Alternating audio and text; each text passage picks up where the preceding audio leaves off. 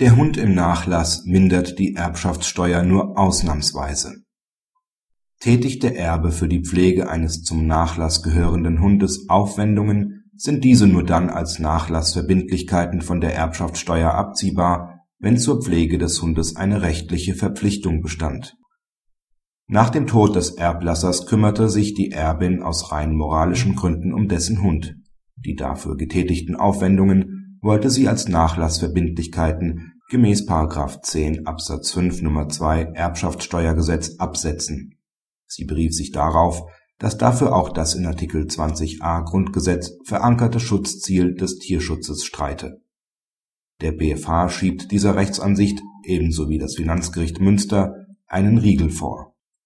Aufwendungen für den Unterhalt eines zum Nachlass gehörenden Tieres stellen dann Nachlassverbindlichkeiten im Sinne des § 10 Absatz 5 Erbschaftssteuergesetz dar, wenn eine abziehbare Auflage gemäß § 8 Erbschaftssteuergesetz vorliegt. Das ist nur der Fall, wenn diese Auflage eine rechtliche Verpflichtung des Erben zur Pflege des Tieres begründet.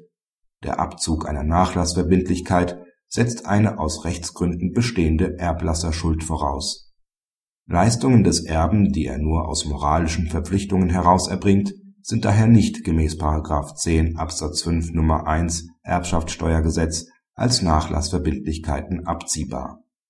Artikel 20a Grundgesetz ist bei solchen staatlichen Maßnahmen irrelevant, welche den Schutz der Tiere gar nicht beeinträchtigen können.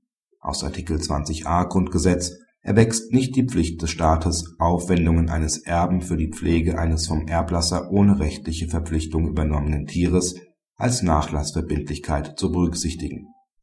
Praxishinweis In vielen Nachlässen befinden sich Tiere, zu deren Unterhalt der Erbe Aufwendungen tätigt. Der verantwortungsbewusste Erblasser kann diese Kosten dem Erben steuerlich zum Vorteil gereichen lassen, indem er im Testament eine entsprechende rechtliche Verpflichtung zur Tierpflege mittels Auflage aufnimmt.